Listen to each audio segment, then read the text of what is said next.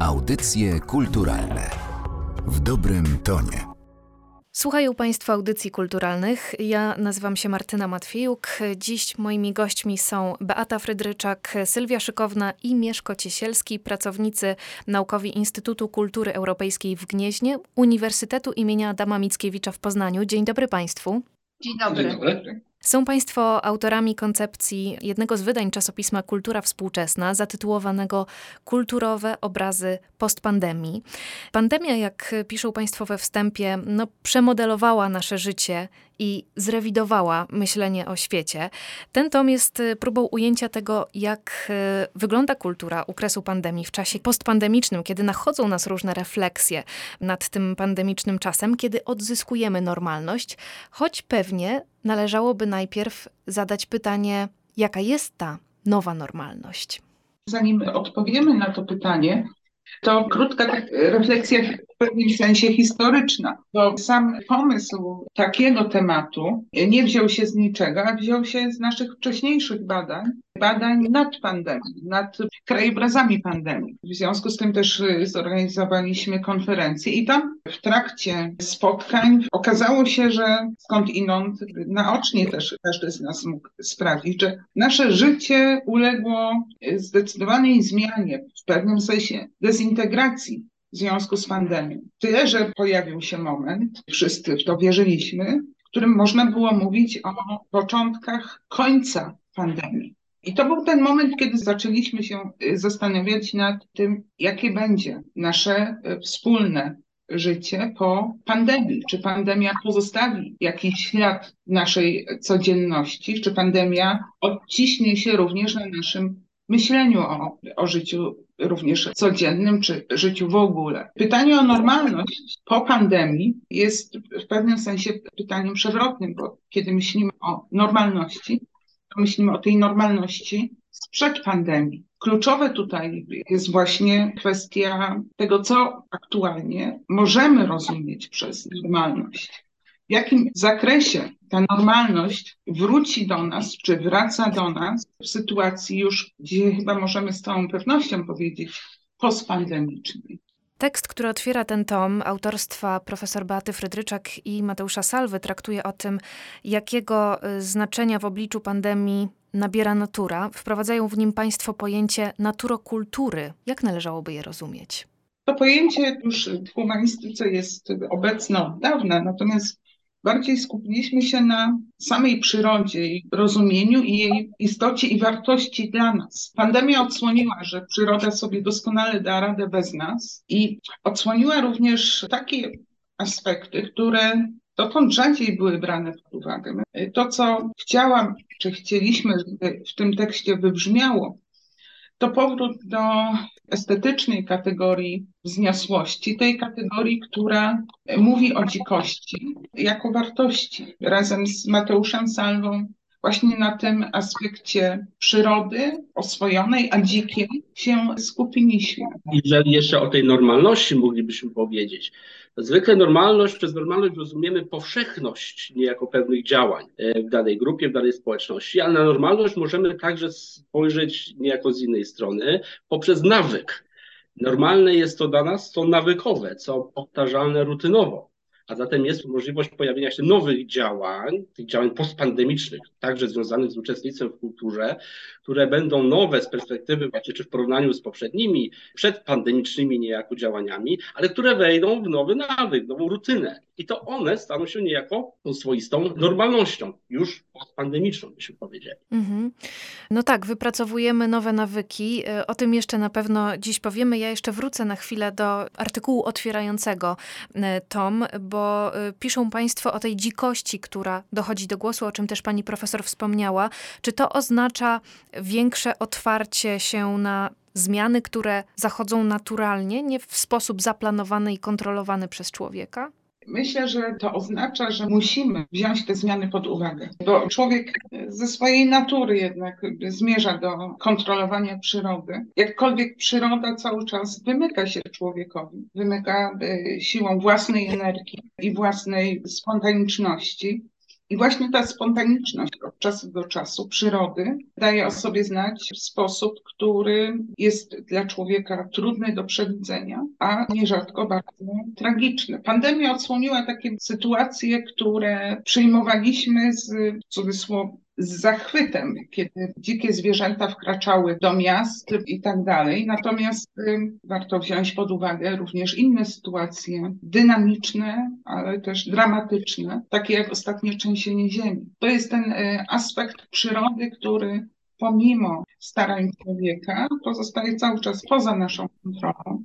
I to jest ten aspekt przyrody, w którym ja czytam przejawy wzniosłości jako tej kategorii e, rządzącej siłami przyrody. W obliczu tych zmian, w obliczu czasu też wyboru nowych dróg, y, pojawia się oczywiście pytanie o to, co udało nam się dotąd wypracować. Na przykład y, w kontekście instytucji kultury i naszego obcowania na co dzień y, z kulturą, bo kryzys jest także przecież szansą na zmiany. Jakie są długofalowe skutki pandemii, to oczywiście ciężko zgadywać, no ale możemy się opierać już na pierwszych badaniach zjawisk kulturalnych w trakcie pandemii. Takie badania prowadziło m.in. Narodowe Centrum Kultury. Ich wynikom Y, przyjrzał się w swoim artykule dr Mieszko Ciesielski. Co z nich wynika? No tak, na początku obostrzeń pandemicznych widzimy wzrastający odsetek osób, które tęsknią za uczestnictwem w kulturze takiej, tej tradycyjnej, byśmy dzisiaj już powiedzieli.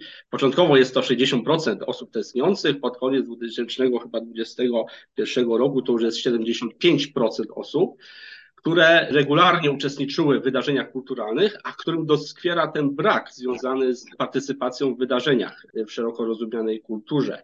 No i ten kryzys, który związany jest z zerwaniem niejako kontaktu twórcy i jego dzieła z konsumentem kultury, powoduje poszukiwanie alternatywnych działań. A zatem na ten kryzys i, no i całą pandemię należy spojrzeć niejako tak dwojako. Z jednej strony jest to oczywiście dramat, dramat choroby, dramat śmierci, a z drugiej strony jest to aspekt taki byśmy powiedzieli pozytywny, związany z realną szansą na zmiany w kulturze. Między innymi w kinie, w teatrze, w muzealnictwie, ja może dodam także, że e, kiedy 12 marca 2020 roku zamknięto wszystkie instytucje kultury, galerie, muzea, nagle instytucje z dnia na dzień miały dostosować się do takich nowych wymagań i szukały nowego kontaktu z, ze swoimi odbiorcami. Jedynym takim kanałem komunikacji okazała się być sieć. Więc tutaj należało dokonać takiej szybkiej transformacji instytucji kulturalnych i przejścia właśnie na ten tryb zdalny, na taki zdalny tryb e, kontaktu ze swoją publicznością publicznością. Oczywiście w różnym zakresie różnym instytucjom się to udawało. To nie jest tak, że ta pandemia ujawniła problemy instytucji, e, nagle ujawniła nowe problemy instytucji, o tak to ujmę, tylko ujawniła coś, czy problemy, które trawiły instytucje już od dawna, tylko z takim nasileniem te problemy instytucji, dostępu publiczności, sposobu organizacji pracy, tak? Pandemia po prostu z wzmożoną siłą ujawniła te problemy zwyczajne. I ta transformacja cyfrowa instytucji w różnym stopniu dokonywała się, oczywiście i dokonała się, i też w zależności od tego nastawienia instytucji, stopnia przygotowania pracowniczych i pracowników instytucji, powiodła się bądź miała jakiekolwiek trudności w przejściu na tryb zdalny funkcjonowania swojego. Więc, tak jak wspomniałam wcześniej, to nie jest tak, że pandemia nagle ujawniła jakieś problemy instytucji, tylko one już były wcześniej. To, co zostało po pandemii, to wydaje mi się, że obecność instytucji w mediach społecznościowych, która nasiliła się i e, ten właśnie wzrost aktywności w tych kanałach komunikacji, takich social mediach e, jest znaczący. Wydaje mi się, że publiczność jednak po pandemii oczekiwała takiego powrotu do stacjonarnego funkcjonowania jednak. I pierwsze y, muzea, które zostały otwarte po pandemii i te kolejki, które gdzieś tam w przekazach medialnych ukazywane były, to ujawniło, że rzeczywiście potrzebujemy takiej y, prawdziwej relacji y, fizycznej też obecności w tych instytucjach, co nie oznacza, że ten kanał komunikacji zdalny czy mobilny powinien być gdzieś tam odłożony, bo to jest gdzieś tam budowanie nowych publiczności i dotarcie do nowych odbiorców, co jest wielką szansą dla instytucji i poszerzeniem kręgów właśnie uczestników w danych wydarzeniach kulturalnych. Czyli znowu powraca ten temat tęsknoty y, za normalnością, ale z drugiej strony pojawia się też bardzo ciekawie opisany przez y, doktora Ciesielskiego w jego artykule mechanizm tworzenia się nowych praktyk społecznych. Biorąc pod uwagę to, że od wybuchu pandemii mijają już trzy lata, też te artykuły dodajmy, że powstawały pół roku temu. Czy powiedziałby pan, że my nadal jesteśmy w takiej fazie alternatywizmu świadomościowego, czy nadal szukamy tych optymalnych praktyk, czy jednak już ta zmiana nawyków nastąpiła?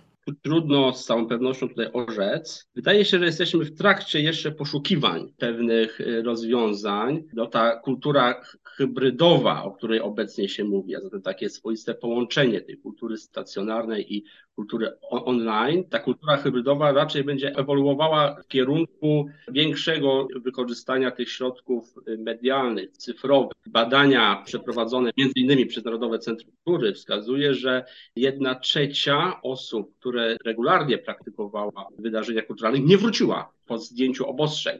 A zatem te osoby znalazły satysfakcjonujący sposób konsumpcji treści kulturowych, kulturalnych poprzez te cyfrowe media. Oczywiście tutaj podkreśla się także pewien niedosyt, czy takie właśnie niesatysfakcjonujące zaspokojenie tych potrzeb przez większą część osób, potrzeb kulturowych poprzez te cyfrowe media. No tu się podkreśla właśnie brak tego wyjścia z codzienności. Partycypacja w kulturze jest pewnym czasem wyjątkowości, jest pewnym czasem takim odświętnym. My musimy się ładnie ubrać, musimy wyjść gdzieś do jakiejś instytucji, tam możemy kogoś spotkać, spotkać przede wszystkim artystę z jego dziełem. Tego brakuje w tym odbiorze takim, no nie ukrywajmy, domowym, gdzieś na takim monitorze, przypuśćmy, no i to być może powoduje, że jesteśmy cały czas na etapie takich poszukiwań. I teraz być może jakaś e, edukacja w zakresie partycypacji w wydarzeniach kulturowych właśnie w sposób cyfrowy. Być może takie programy powinny e, pojawić się już gdzieś na etapie szkoły, żeby niejako młodzi ludzie nauczyli się konsumować kulturę w sposób taki nowoczesny, medialny. Być może tego brakuje, być może także te warunki techniczne są nieodpowiednie. Szybki internet, dość duży monitor, ekran, dobre nagłośnienie w domu.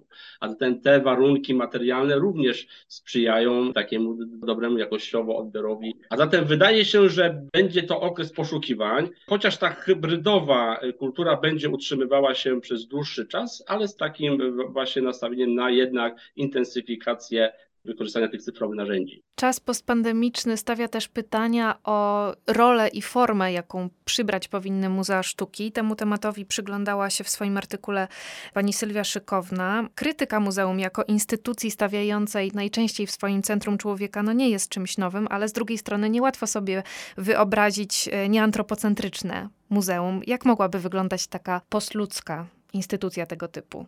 No to jest trudne pytanie. Ja w tym swoim artykule odwołuję się do takiego projektu artystycznego Diany Lelonek, Formy Przetrwania. To jest pięć takich mini opowiadań dotyczących potencjalnych wizji właśnie takiego postludzkiego muzeum, zarośniętego, przejętego przez naturę. Trudno odpowiedzieć, ponieważ, tak jak pani powiedziała, e, no muzeum jest antropocentryczne i ciągle jeszcze te narracje formułowane przez muzea są z punktu widzenia ludzkiego. Pojawiają się projekty, Biennale Weneckie tegoroczne jest takim dobrym przykładem, kiedy ten nacisk na inne spojrzenie, inne niż ludzkie, ale nie wkreślające gdzieś tam e, tej pozycji ludzkiej z tego dyskursu, e, są, e, pojawiają się w polu sztuki. Więc myślę, że to jest takie światełko, że ten antropocentryzm silnie osadzony w instytucjach muzealnych będzie powoli zastępowała taka nie tylko ludzka perspektywa. I wydaje mi się, że to już się gdzieś tam zadziewa w kulturze, że my dostrzegamy też właśnie inaczej patrzymy na dzieła, które są zasiedlone przez mikroby, przez bakterie, przez grzyby, z którymi ciągle jeszcze muzea w swoich praktykach walczą, ale już w refleksji pojawia się e, taka myśl, że może jednak ta troska i w ogóle takie kultywowanie myślenia o dziedzictwie kulturowym, którego wartość wycenia właśnie takie konserwowanie tych dzieł, które gdzieś tam e, są wystawiane w muzeach. Może taka właśnie refleksja spojrzenia innego na e, narracje, tak jak powiedziałam, formułowane na wystawach, na festiwalach, biennale, e, jest takim cennym i wartym, takim może reorganizującym nasze postrzeganie świata też, tak, które przecież nie jest tylko ludzkie, ale wykracza poza tą ludzką perspektywę i powinno tak, myślę, być. To są myśli, które są bardzo silnie obecne od lat 80. już w tym myśleniu posthumanistycznym, więc myślę, że gdzieś instytucje potrzebują więcej czasu, żeby te przekonanie i wyjście poza tą antropocentryczną perspektywę, żeby to przekonanie gdzieś się pojawiło też w praktykach muzealnych czy praktykach instytucjonalnych, ale to się gdzieś już, myślę, dzieje, zadziewa. Myślę, że to jest dobry kierunek tych zmian. Przypomniał mi się taki komunikat jednego ze szwedzkich muzeów, które w pewnym momencie ogłosiło, że przestało zabijać pająki, które zagnieżdżają się w muzeum, więc prosimy się ich nie bać, prosimy się z nimi zaprzyjaźnić. Ten antagonizm natura versus y, kultura powoli odchodzi do lamusa. Czy pandemia przyspiesza te transformacje? Ja myślę, że jeżeli nawet nie przyspiesza, to unaocznia, pokazuje w jakim stopniu możemy myśleć o przyrodzie w naszych oczach, przeobrażonej, chociaż ona jest taka sama od wieku w takim ogólnym ujęciu. Natomiast przeobrażona działaniami człowieka. Ja powiedziałabym, że te siły przyrody, o których wcześniej wspomniałam, których wyraża się ta promowana przeze mnie wzniosłość. Te siły przyrody są takie same. Natomiast sama przyroda uległa zdecydowanemu przekształceniu przez człowieka. I dopiero kiedy człowiek ustępuje, to widać, że przyroda wraca do swoich miejsc tak jak wracają dzikie zwierzęta do miast, które wcześniej były ich terenem. Sama pandemia, może też wirus może być też mhm. postrzegany jako działanie przyrody na człowieka. I w tym aspekcie widać, że musimy zdwoić nasze siły, by przed tą siłą przyrody się w jakimś sensie obronić. Ja tu może dodam do słów pani profesor, że rzeczywiście pandemia COVID-19 pokazała, że rzeczywiście życie ludzkie i w ogóle y, człowiek jako figura nie jest taki silny i taki mocny w strukturze w ogóle na świecie. Tak? Więc ta zmiana perspektywy, czyli to unaocznienie właśnie, poprzez pandemię unaoczniliśmy się, uświadomiliśmy sobie swoją pozycję, która nie jest taka, tak jak powiedziałam, silna. Tak? Czyli ta zależność od przyrody jest y, tym większa i wymaga takiego nowego właśnie, tak jak powiedziałam, spojrzenia. Tak? Przychodzi mi też na myśl etyka troski tak? i ta etyka troski w takim myśleniu posthumanistycznym jest bardzo przydatna, kiedy spojrzymy właśnie z taką troską na, na to bycie inne niż ludzkie. Więc ta perspektywa też pokazuje, że to nie tylko człowiek zasiedla przecież Ziemię, ale tę ziemię zasiedlają, tak jak wspomnieliśmy, i przyroda, i, i zwierzęta przecież, tak, więc i pająki. i pająki wspomniane, tak, więc my nie jesteśmy jedynym gatunkiem przecież, który żyje na ziemi i powinniśmy wspólnie budować taką koalicję, budować taką wspólnotę bytów na Ziemi.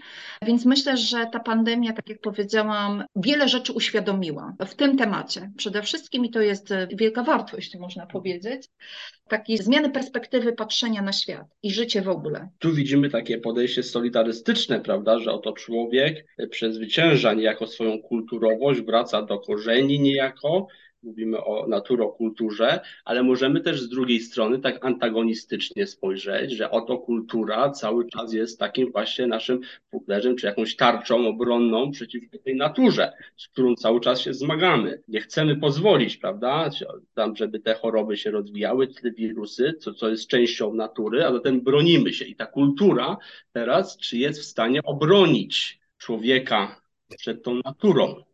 Czy możemy tu mówić o jakimś zbliżającym się kresie człowieka? Czy mhm. zbliża się koniec człowieka? I oto okazuje się, że pandemia unaocznia nam, że być może to zagrożenie będzie płynęło nie od strony technologicznej, technicznej, prawda, zatem rozwiniętego człowieka, co zwykle w tych właśnie obrazach science fiction się pojawia, ale od tej natury, od tej natury i to nawet tej y, pradawnej natury. Wirusy to pierwsze, są tam żyjątka, prawda? Zatem to zagrożenie być może jest gdzieś tak głęboko w nas, niejako zakorzenione, naturalne. I przeciwko temu zagrożeniu być może kultura sobie nie poradzi, albo sobie poradzi, jak to woli, może sobie wybrać pozytywny bądź bardziej y, negatywny obraz przyszłości. Jak najbardziej. Mi się y, też tutaj, tak jak mówisz, myślę, że powinniśmy przemyśleć w ogóle, jak definiujemy dzisiaj człowieka. Ta figura człowieka po pandemii powinna być na nowo mhm. zdefiniowana, czyli wspomniałeś o okresie człowiekiem. Myślę, że no, ta nowa definicja właśnie jest tutaj warta uwagi, ale jeszcze dodatkowo coś mi przyszło na myśl, bo mówiliśmy trochę o kryzysach, bo rzeczywiście kryzys jako pojęcie też odmieniane przez e, wszystkie przypadki w dzisiejszych czasach. Kryzys dotyka czy klimatyczny, wojenny, tak, kryzys pandemiczny, więc e, ten kryzys gdzieś tutaj jest bardzo obecny. I ja na to, na to pojęcie kryzysu też spoglądam przez pryzmat historyczny. Kiedy wybuchła epidemia dżumy, to po tej epidemii dżumy w odrodzeniu pojawiły się takie optymistyczne jednak, odrodzeniowe koncepty filozoficzne, gdzie człowiek jednak był miarą wszechrzeczy, tak, był tą jednostką racjonalną, silną. Kiedy przyszedł kryzys epidemii koronawirusa czy COVID-19, już te nastroje nie są takie optymistyczne. Tak? Czyli te niepokoje, te lęki związane właśnie o przyszłość, taka niepewność też, tego nie wiemy, bo my zadawaliśmy sobie w tym e, numerze przecież pytanie o tym, co przyjdzie, co zostało, tak? albo nie wiem, zmiany, jakie zmiany się dokonały, co z nami zostanie na dłużej. Tak? I my tego jeszcze w gruncie rzeczy nie wiemy, więc taka niepewność i, i taka dojmujący lęk, też, o przyszłość, jest tu tak, takim symbolem y, historycznej zmiany też w podejściu, tak? Więc y, myślę, że to też jest taka y, refleksja, która przychodzi i w kontekście lektury naszego numeru, ale też w kontekście w ogóle takiego myślenia o tych naszych dzisiejszych czasach. Jeżeli dodać do koleżanki, do Sylwii, ona użyła takiego bardzo ładnego sformułowania wspólnota bytu. I myślę, że to jest ten moment, w którym powinniśmy przyznać, że nie jesteśmy najważniejsi na świecie, że obok nas są również inne stworzenia, inne formy bytów, które zasługują na podobne miejsce, jakie my zajmujemy i szacunek również z naszej strony. To jest ten aspekt y, pandemii, który y, myślę, że na dłużej z nami zostanie, bo my zapomnimy o chorobach, zapomnimy o kryzysach, natomiast być może będziemy pamiętać o właśnie tej przyrodzie, która daje o sobie znać w sytuacjach, na które my nie mamy żadnego wpływu. I z tą myślą zostawiamy Państwa, drodzy słuchacze, zapraszając do lektury najnowszego wydania kwartalnika Kultura Współczesna. E, ten numer zatytułowany jest e, Kulturowe obrazy postpandemii. Bardzo Państwu dziękuję. Dziękujemy bardzo. Dziękujemy. Audycje kulturalne w dobrym tonie.